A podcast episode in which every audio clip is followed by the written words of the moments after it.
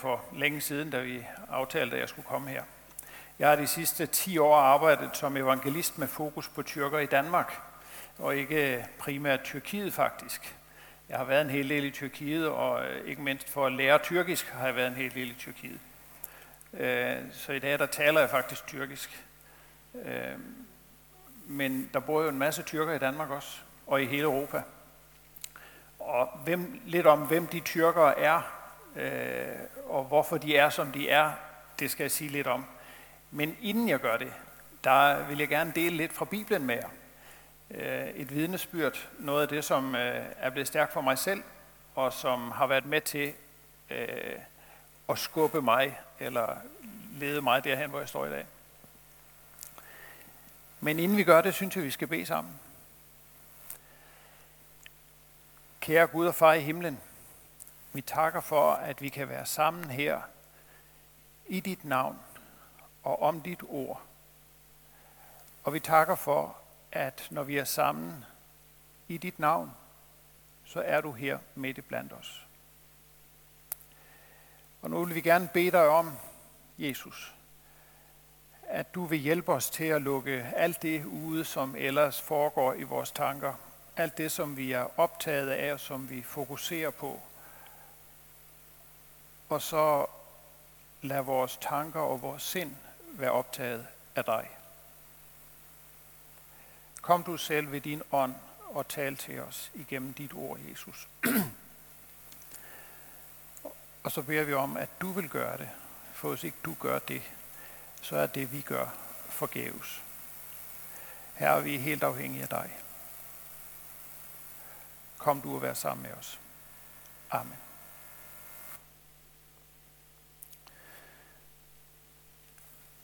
Jeg vil gerne begynde med at fortælle jer en historie. Og det er ikke en, ikke en hvilken som helst historie. Det er en bibelhistorie. Og jeg skal nok fortælle jer, hvor den står hen, men I skal ikke slå op, og vi skal ikke læse den i Bibelen. Jeg vil meget hellere fortælle jer den, og så kan I gå hjem, og så kan I læse den, når I kommer hjem. Men det er faktisk en ret stærk beretning. Måske har I læst den mange gange. De fleste har ikke. Det er en beretning fra anden kongebog.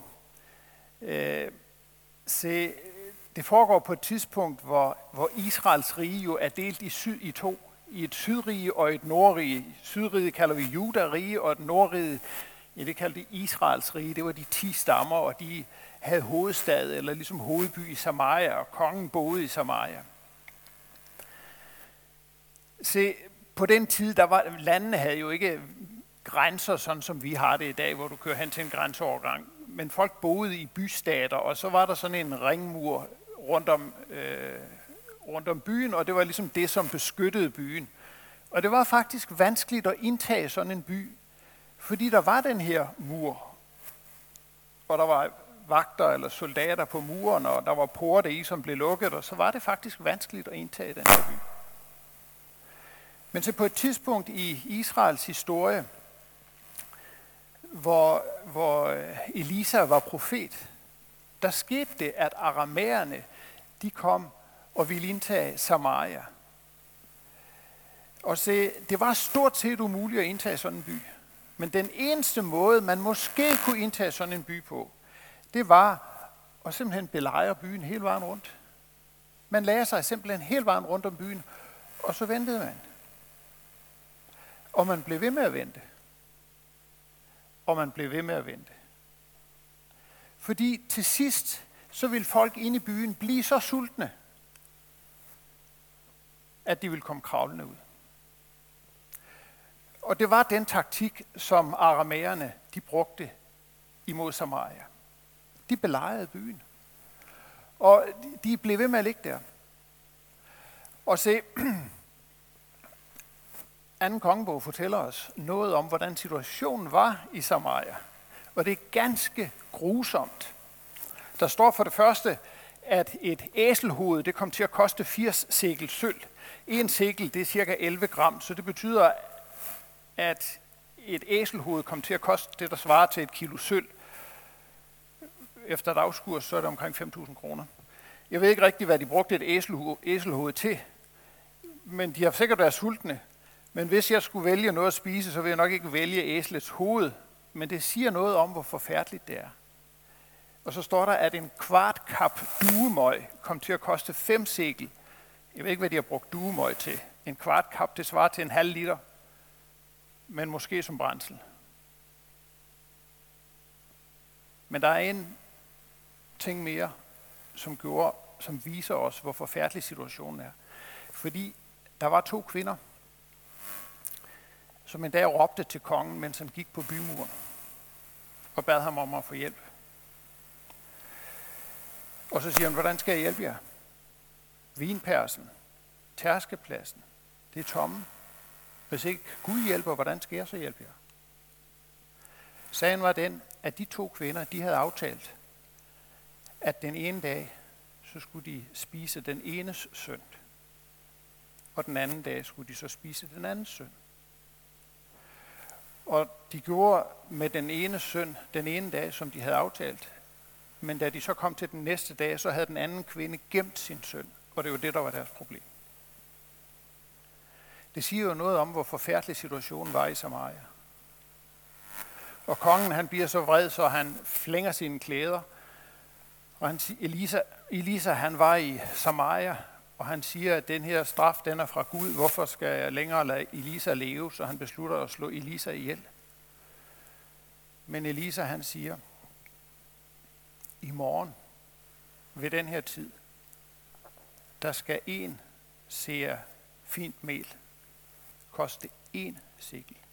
En seer, det er cirka 13 liter. Det skal koste en sikkel i Samarias port. Og to seer, altså to spande eller korn, skal koste en sikkel. Kongen han havde en adjutant, som støttede ham, og han siger, om så Gud han sætter vinduer på himlen, så kommer det ikke til at ske. Han troede ganske enkelt ikke på, at det kunne lade sig gøre.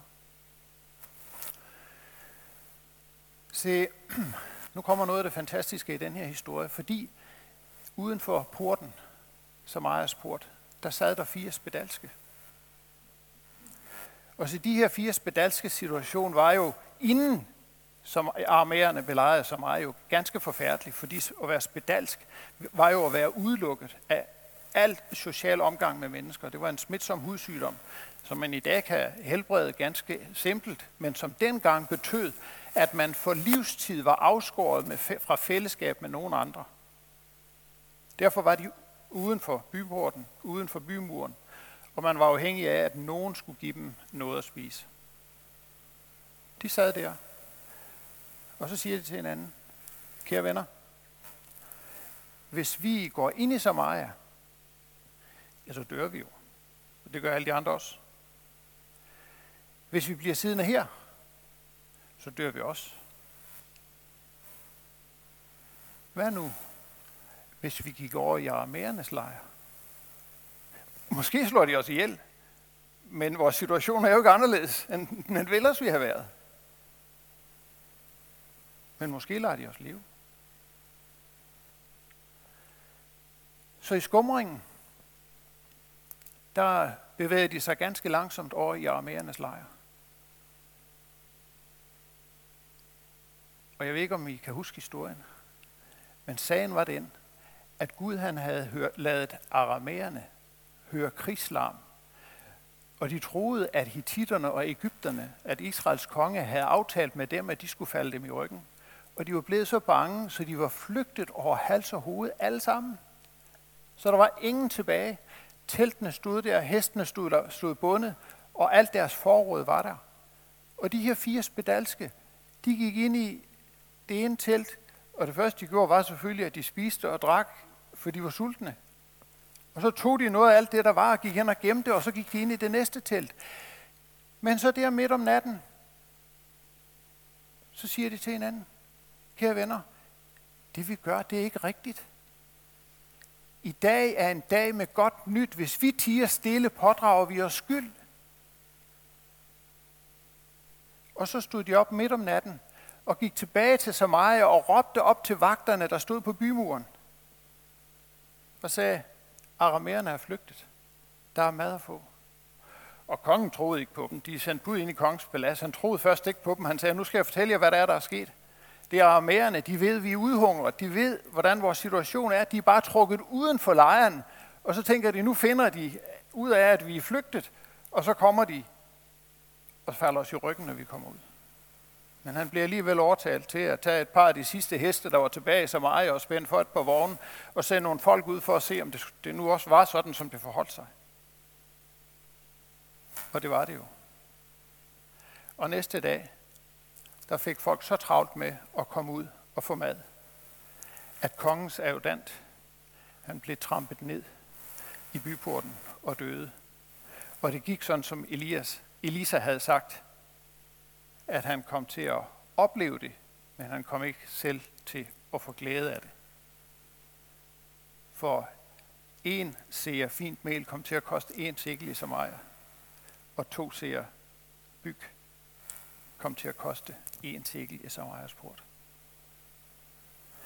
Se, det er jo en fantastisk beretning. Den står i 2. kongebog, kapitel 6, hvor I kan gå hjem og I kan læse den, når I kommer hjem. Se, nu er det ikke bare for at fortælle gode historier, jeg er kommet, men der er tre vigtige ting, som vi skal tage med fra den her historie. Det første er, at de fire spedalske, så de så virkeligheden i øjnene. De sad der, og så sagde de til sig selv, hvis vi går ind i Samaria, så dør vi. Hvis vi bliver siddende her, så dør vi også. Og så gjorde de noget, som var at løbe en stor risiko. For de bevægede sig over til aramæernes lejr. Og både fordi de var spedalske, og fordi de var israelitter, så var det i den grad at sætte sit liv på spil. De løb en kæmpe risiko. Men den risiko, den blev deres redning. Så at løbe en risiko, det er jo at sætte noget på spil, for om muligt at opnå noget, som er større. Vi sætter jo dagligt ting på spil. Vi løber dagligt risici. Vi satser på noget. Fordi vi ikke kender fremtiden, så satser vi på noget. Vi løber risici. Vi planlægger ferie. Vi sparer op til pension. Vi ved ikke, om vi kommer der, men vi gør det alligevel. De fire spedalske, de løb en risiko for deres eget liv.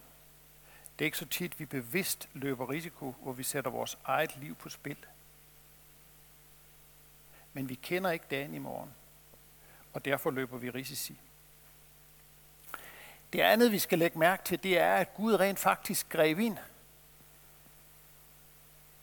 Han redde, han gjorde noget helt ekstraordinært. Han gjorde noget, som ingen i Samaria kunne have sagt sig selv. Ingen. Elisa forudsagde det. Og kongens adjutant, han troede ikke på det. Og hans problem var sådan set ikke, at han ikke troede på, at det kom til at ske. Hans problem var, at han ikke troede, at det var muligt for Gud at skabe en redning. Men Gud greb ind og gjorde det, der ikke var opkommet i noget menneskes tanke. Hvem skulle have troet, at Gud overnight kunne normalisere fødevarepriserne i Samaria? Men han gjorde det. Og det sidste, vi skal tage med herfra, det er, at de spedalske, de tog ansvar. Så de sad der i aramæernes lejre og havde spist sig med det. Og så sagde de, dagen i dag er en dag med godt nyt. Tiger vi stille, pådrager vi os skyld. De tager jo ikke stille. Det var vanskeligt at overbevise kongen om, at aramæerne de var flygtet. Men de var klar over, at de kunne ikke bare blive siddende. De måtte gøre noget.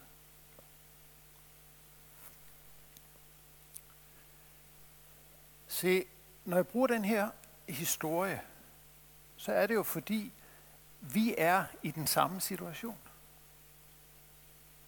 Vi er også i en situation, hvor Gud har grebet ind. Og verset fra Johannes 3:16, det kender vi alle sammen. Jeg tror, vi kan stå op midt om natten, og vi kan citere det, mange af os. Vi kender det. Og da jeg skrev det her, så fik jeg den her følelse af, at det var, det var en gammel nyhed. Og tænkte, det kender vi jo godt. Og så spurgte jeg mig selv, hvor, hvorfor er det, jeg får den her følelse af, at det i virkeligheden ikke er nogen nyhed? Hvorfor er det, jeg får den her følelse af, at det her, det ved jeg godt? At det ikke tænder mig?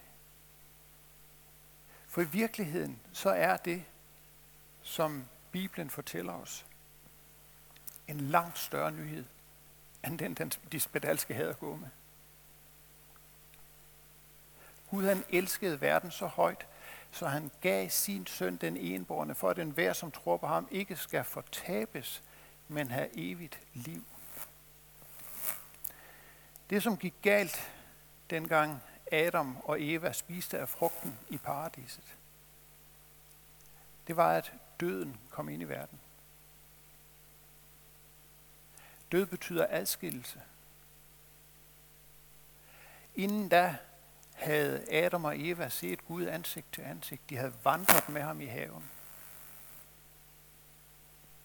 Nu kom der frygt, brudte relationer, smerter og død, som betyder adskillelse inde i verden. Da Jesus døde på korset, eller da han, da han kæmpede i Gethsemane, der læser vi, at han kæmpede og sagde, Gud, eller far, sagde han, hvis det er muligt, så lad den her kalk gå mig forbi. Og hans sved blev som blodstråber. Nogle af jer har måske set Mel Gibsons film The Passion of the Christ. Det er ikke nogen ny film, det er en ældre film, øh, og der er et stykke tid siden, den kom ud. Men nogle af jer har sikkert set den. Jeg tror, vi har set den, så har den gjort indtryk på jer. Men ved I hvad, kære venner? Det værste, Jesus oplevede, det var ikke den smerte, som det var at blive korsfæstet. Det er der tusindvis af andre mennesker, der har oplevet. Det værste, Jesus oplevede, det var, at han blev forladt af Gud.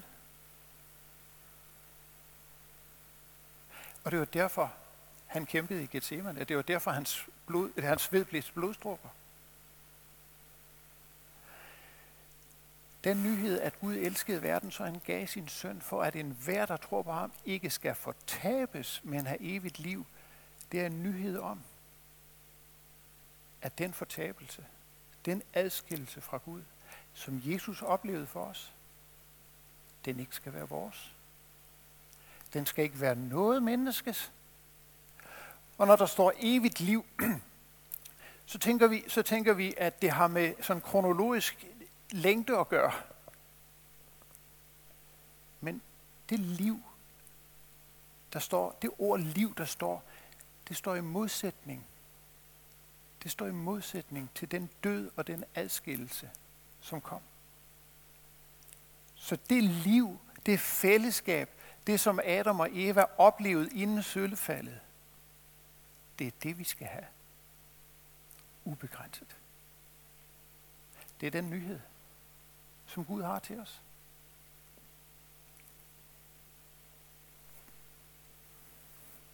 Dagen i dag er en dag med godt nyt.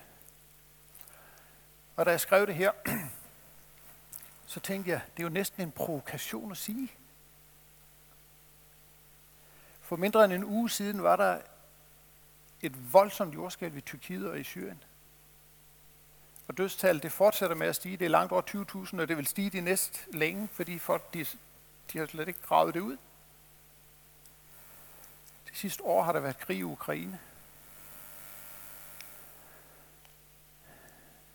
Og fordi der er krig i Ukraine og jordskælv i Tyrkiet, så har vi glemt krigen i Etiopien, vi har glemt krigen i Afghanistan, vi har glemt, vi har glemt, vi har glemt. Men dagen i dag er en dag med godt nyt, kære venner.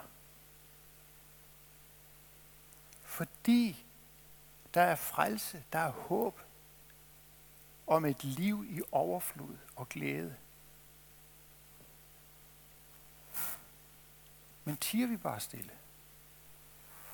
Tiger vi bare stille? Jeg tror ikke, det var nemt for de spedalske at gå tilbage og råbe og overbevise kongen. Og jeg foregøjler ikke, at det er nemt at gå med de her nyheder til mennesker i dag. Det er det ikke. Jesus han sagde til disciplene, da han sendte dem ud, jeg sender jer som for blandt ulve.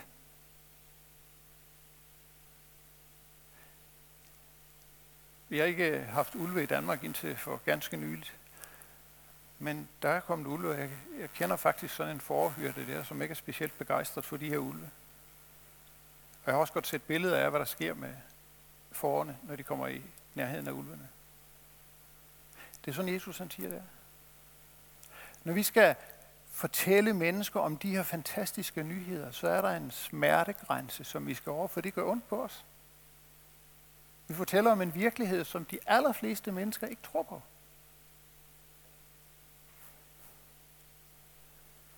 Men det er en virkelig virkelighed, og det er den virkelige virkelighed. Fordi det, vi har at fortælle om, det er sandt. Ligesom de spedalske vidste, at de havde smagt, og de havde spist sig med det, så ved vi også, at der er liv. Vi ved, hvor vi skal være om 100 år. Og i det perspektiv er der nogle andre ting, som bliver mindre vigtige.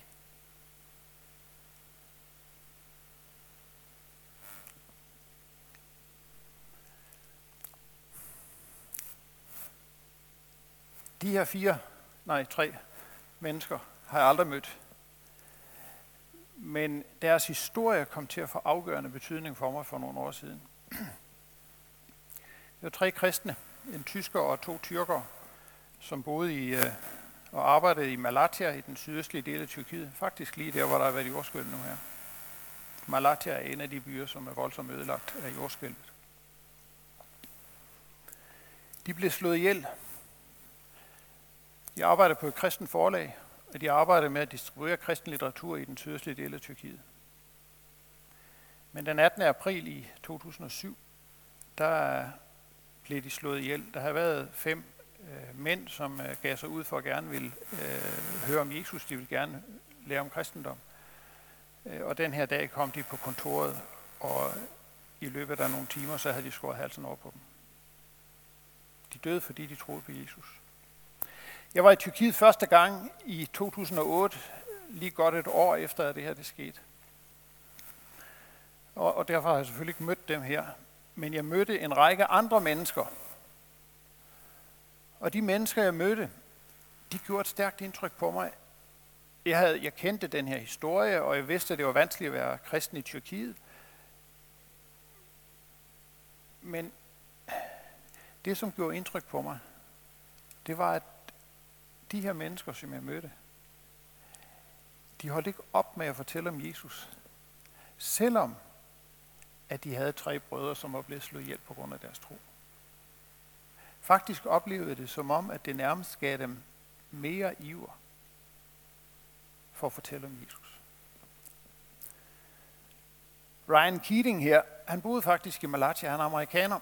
han boede faktisk i Malaysia, da de blev slået ihjel. Hans missionsorganisation øh, bad ham flytte til Ankara, og så flyttede de til Ankara, og det var der, jeg mødte ham. Men han sagde selv, at det var en fejl, at de havde flyttet ham. Og i dag er han smidt ud af Tyrkiet, han bor på Kyberen, og arbejder med tyrker og alle mulige andre på Nordkyberen. Begnan, han er tyrker og har arbejdet i det tyrkiske bibelselskab i mange år. Jeg har mødt ham i, øh, i øh, Istanbul.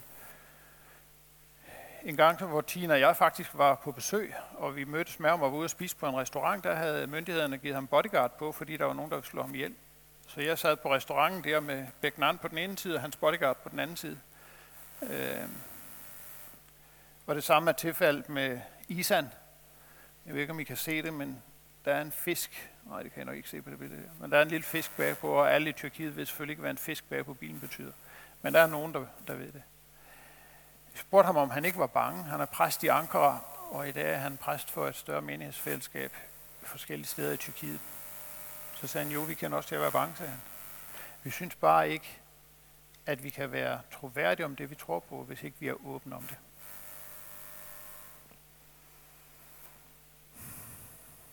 Jeg har mødt mange andre, og kirkens situation i Tyrkiet er ikke så meget anderledes i dag, end den var dengang. Dagen i dag er en dag med godt nyt. Der var et spørgsmål, som jeg ikke har kunne slippe siden. Der var ikke nogen, der stillede det til mig, men det, øh, på en eller anden måde kom det i mit sind. Altså hvis jeg virkelig tror på det, jeg siger, jeg tror på, hvordan kan det så være, at jeg lever, som jeg gør? Eller vi kunne øh, vende spørgsmålet om, ikke? Og så sige, når nu jeg lever sådan, som jeg gør, er det så, fordi jeg i virkeligheden ikke rigtig tror på det, jeg siger, jeg tror på?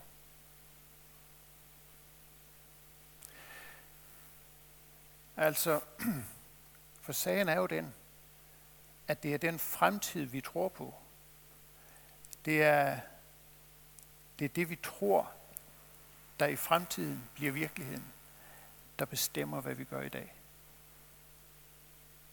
Det er derfor, vi betaler ind til pension jo. Fordi vi tror, vi får glæde af det. Hvis ikke vi var overbevist om, at vi får glæde af det, eller at der var en stor sandsynlighed for, at vi får glæde af det, så ville vi ikke gøre det. Hvis ikke vi tænkte, at det er nok godt at betale til en forsikring, så ville vi jo ikke betale til forsikring. Og sådan er det i virkeligheden med en meget stor del af de ting, vi gør i livet. De er bestemt af den virkelighed, vi forventer bliver vores i den fremtid, som vi ikke kan være sikre på. Og sådan er det jo også her. Og det her spørgsmål, det har simpelthen siddet i mit hoved og været med til at forme det, som, det liv, som jeg gerne vil leve. Fordi jeg ønsker, at den virkelighed, som jeg siger, jeg tror på, det også skal være den, der former det liv, jeg lever.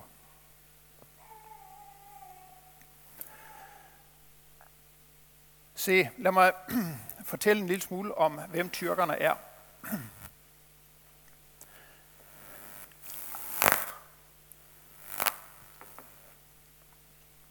Jeg ved ikke rigtigt, om I kan se det her, men jo, I kan godt se, at det her det er ikke et halvt verdenskort, kan vi vel sige. Med nogle farver på. Den røde klat her er Tyrkiet. Det som vi kalder Tyrkiet i dag. De andre farver, det er faktisk tyrkiske sproggrupper, som bor hele vejen i Nord- og Centralasien. Og helt ind i Sibirien. Der er faktisk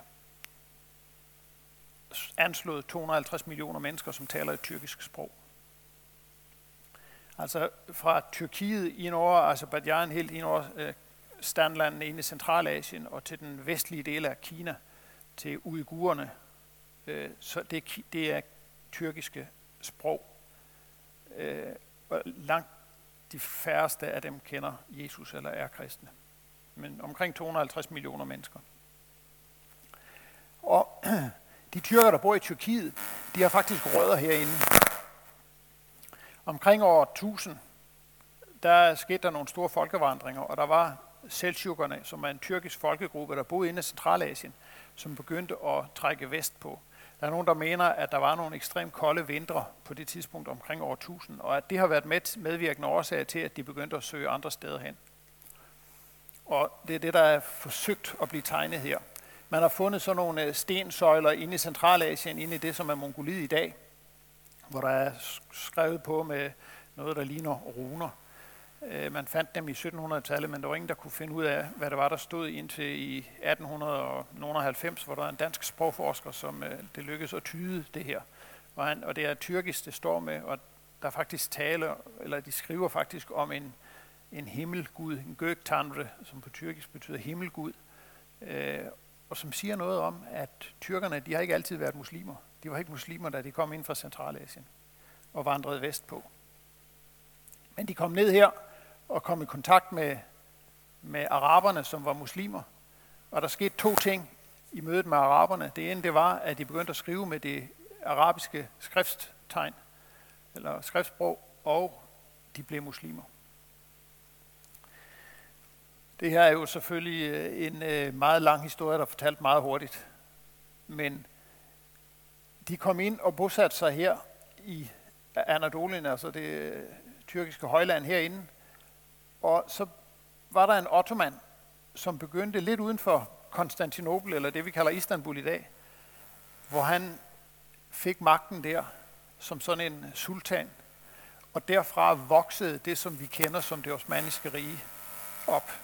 Det lykkedes ham simpelthen at få magten i større og større dele. Og I kan se på farverne på kortet her, hvordan det over de næste 100 år voksede. Men øh, man regner Osmaneriets fødsel til 1299. Og så havde det sin storhedstid op omkring år 1700. Og I kan se her, hvordan det øh, så ud, da det var størst. Osmaneriet et kæmpe rige. Og der er et par interessante ting her. I kan se, at vi har vin heroppe. Der står Vienna her. Men jeg har vin. I 200 år stod osmanerne nærmest og bankede på vins dør.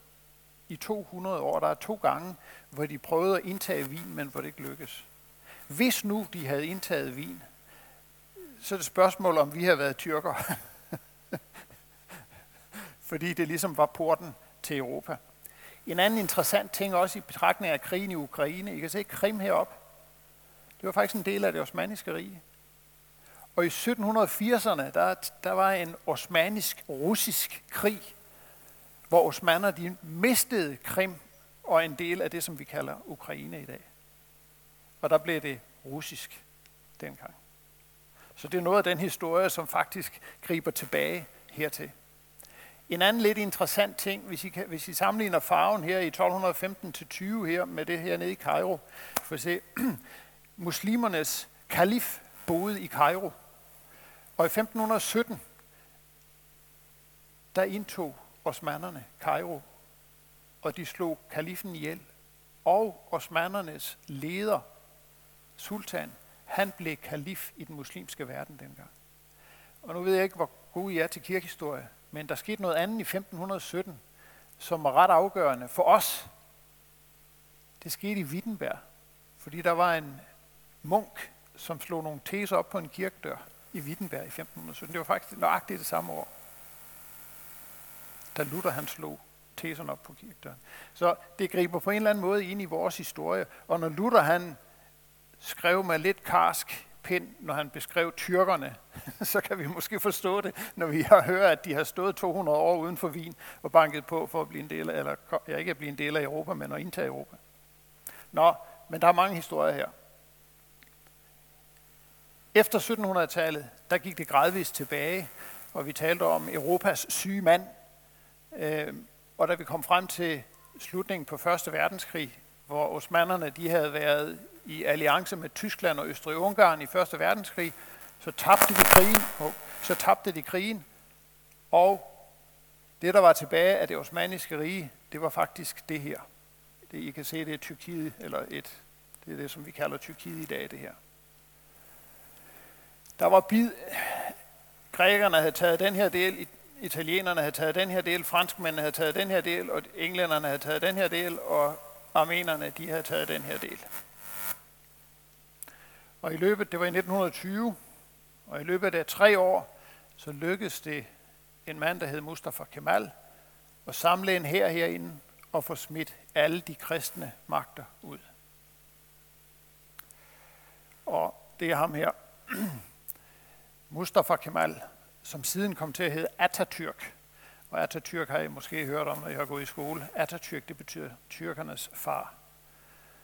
Øh, og det er det, han er kendt som i dag. Se, da den moderne tyrkiske stat skulle grundlægges, så var Tyrkiet jo et kludetæppe af etniske grupper. Der var grækere, som var græsk-ortodoxe. Der var armenere, som var ortodoxe kristne. Der var kurder. Og tyrkerne, hvis I spørger tyrkerne, så er der jo ikke nogen etnisk gruppe, som er tyrkisk. Der er, der er et land, der taler tyrkisk, og der er folk, der taler tyrkisk. Men hvis vi ser på dem, så ser de meget forskellige ud. Så Atatürk, Han skulle definere, hvem er det, der er tyrker, der nu bor inden for det her område. Og så sagde han, en tyrker, det er en muslim, der bor inden for det tyrkiske territorialområde. Atatürk selv var ikke specielt, han var muslim af navn, men ikke af gavn. Men det betød jo, at han fik skabt et folk, der siger, hvis du er tyrker, så er du muslim. Men hvis ikke du er muslim, så kan du ikke være tyrker. Efter friheden i 23, der blev der en folkeudveksling med Grækenland, hvor cirka halvanden million grækere blev sendt til Grækenland, og lige så mange tyrkere kom den anden vej. Fordi grækerne, selvom de har boet der i århundreder, var jo ikke tyrker. Armenernes historie, den tror jeg er almindelig kendt med det armenske folkedrab under 1. verdenskrig, og det, der skete efter Tyrk Tyrkiet fik øh, deres frihed. Kurdernes historie er en anden. De var nok muslimer, men de har absolut ikke noget ønske om at være tyrkere. Og den konflikt, den har vi jo sådan set stadigvæk.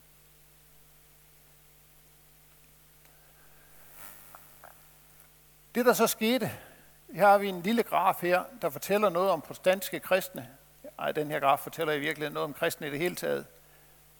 Og det er det blå her, der er kristne, og vi er nede ved år 1900 her. I midten af 1800-tallet, der var jo næsten op, så halvdelen af befolkningen i det område, vi kalder Tyrkiet i dag, var kristne. Katolikker, ortodoxe, protestantiske, det hele sammen. Men når vi kommer hen til år 1950, så er vi stort set ned på nul. Der var stadigvæk nogle ortodoxe og nogle katolikker tilbage, men protestantiske kristne var der stort set ingen af i Tyrkiet. På grund af folkeudvekslinger, på grund af forfølgelse, på grund af udrensninger af kristne. Men i 60'erne var der nogle protestantiske missionærer, som begyndte at arbejde i Tyrkiet. Og det her det er så kurven af protestantiske kristne, og det sidste tal, jeg har, er altså fra 17 øh, I dag er der måske omkring 6.000 eller 6.500 protestantiske kristne i Tyrkiet. Der er flere kristne i Tyrkiet, blandt andet så er der et meget stor gruppe af iranske kristne i Tyrkiet, for det til trods alt er nemmere at være kristen i Tyrkiet, end det er i Iran. Så der er nok flere protestantiske kristne i Tyrkiet øh, af iranere, end der er tyrkere i, i Tyrkiet. Men, men det er to forskellige grupper. Øh, og sådan ser det ud i dag faktisk. Men se, det osmanniske rige faldt jo sammen. Og der var noget af det osmanniske rige, som ikke blev en del af det moderne Tyrkiet. Så i dag er der tyrkisktalende mindretal uden for Tyrkiet på Balkan. Og ikke mindst i Bulgarien er der over en million, som er tyrkisktalende. Og se, vi har en masse tyrker i Danmark, men det er jo ikke kun i Danmark, at der er tyrkere. Prøv at lægge mærke til, hvad der sker her. Stort set hele Europa er der jo et relativt stort tyrkisktalende mindretal. Og Tyskland er jo den, der virkelig bonger ud her, ikke? Der er nok omkring 4 millioner, der taler tyrkisk i Tyskland hvis man kommer med tog til Hamburg og skal købe billet på Hamburg station, så de der automater der, så kan du vælge sprog, så kan du vælge tysk, engelsk og tyrkisk. Fordi der er så mange tyrker. I Danmark står der her, der er 80.000. Danmarks statistik siger, at der er omkring 30.000 med tyrkisk oprindelse og 30.000 efterkommere. Men der er nok nærmere 100.000 i Danmark, som vil identificere sig som tyrker. Der sker jo det i løbet af et par generationer, så bliver de registreret som danske statsborgere, fordi de får dansk statsborgerskab. De er født i Danmark, de er vokset op, de snakker dansk og noget tyrkisk. Men identiteten er stadigvæk tyrkisk. Uden for det, vi kalder, eller uden for det moderne Tyrkiet, der bor der cirka 10 millioner, som taler tyrkisk. Cirka 10 millioner. Men situationen for de tyrker uden for Europa, eller uden for Tyrkiet, når det gælder kristendom, den er ikke anderledes end i Tyrkiet. Jeg er nær sagt snarere tværtimod. Man taler om, at hvis det er vanskeligt at nå tyrkere i Tyrkiet med et vidnesbyrd om Jesus, så er det om muligt endnu vanskeligere at nå dem, som bor uden for Tyrkiet. Jeg skal ikke øh, snakke så længe. Jeg har sikkert allerede brugt meget mere end den tid, jeg skulle. Jeg har, som jeg nævnte tidligere, arbejdet i snart 10 år som med fokus på tyrker i Danmark. Og øh, for godt et år siden, der øh, begyndte vi at have gudstjeneste to gange om måneden på tyrkisk. Vi var bare tre, som, øh, som begyndte. Der var mig selv og en øh, tyrker, der var kommet til tro, og en fra Bulgarien, en tyrkisktalende bulgarer. Der er det, det her lille tyrkisktalende mindretal i Bulgarien, men der har faktisk for 25 år siden været vækkelse blandt de her øh, tyrkisktalende bulgarer, og, og der er måske næsten lige så mange tyrkisktalende kristne i Bulgarien, som der er i Tyrkiet. Og nogle af de her folk kommer jo til Vesteuropa for at søge arbejde. Og det, der så er sket hen over øh, året her, det er, at vi i dag faktisk har et fællesskab af kristne, tyrkisktalende, primært bulgarer, og vi mødes til gudstjeneste en gang om måneden. Nej, ikke en gang om måneden. Godt, jeg har soufflør på her, Tino siger det. hver, hver uge. Og nu, mens vi er sammen her, så er de sammen i Bethesda, for vi låner, vi låner lokale af Københavnerkirken. Så der er en anden, jeg har lavet et oplæg, og så er der en anden, som leder det der i dag. Øh, så jeg kunne være her. Det, som jeg vil slutte med at sige til jer, det er at opfordre jer til at være med til at bede for tyrkerne. Der er al mulig grund til at bede for den situation, der er i den sydøstlige del af Tyrkiet lige nu. Og det er ikke til at forstå, det, det er ganske forfærdeligt. Jeg er på vej til Tyrkiet og rejser faktisk til Tyrkiet på tirsdag. Og formodentlig rejser jeg over øst på, på onsdag. Øh, fordi en, jeg, jeg skal være en måned i Tyrkiet nu, hvor jeg skal hjælpe i et par menigheder i Tyrkiet, og den menighed, jeg skulle have hjulpet, eller skal hjælpe i Istanbul, han, præsten der, han har taget det over og sagt, kommer du ikke over her? Fordi han siger, at det er bedre at være her, end ikke at være her. Øh, selvom vi nok ikke kan gøre noget.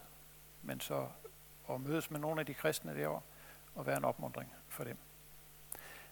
Men bed for det tyrkiske folk. Bed for de tyrker, som er i Danmark.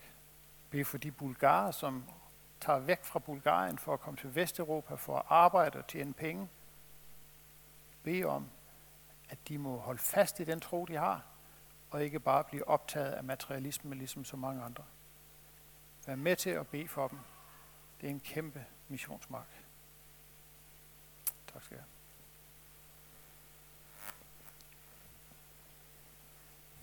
have.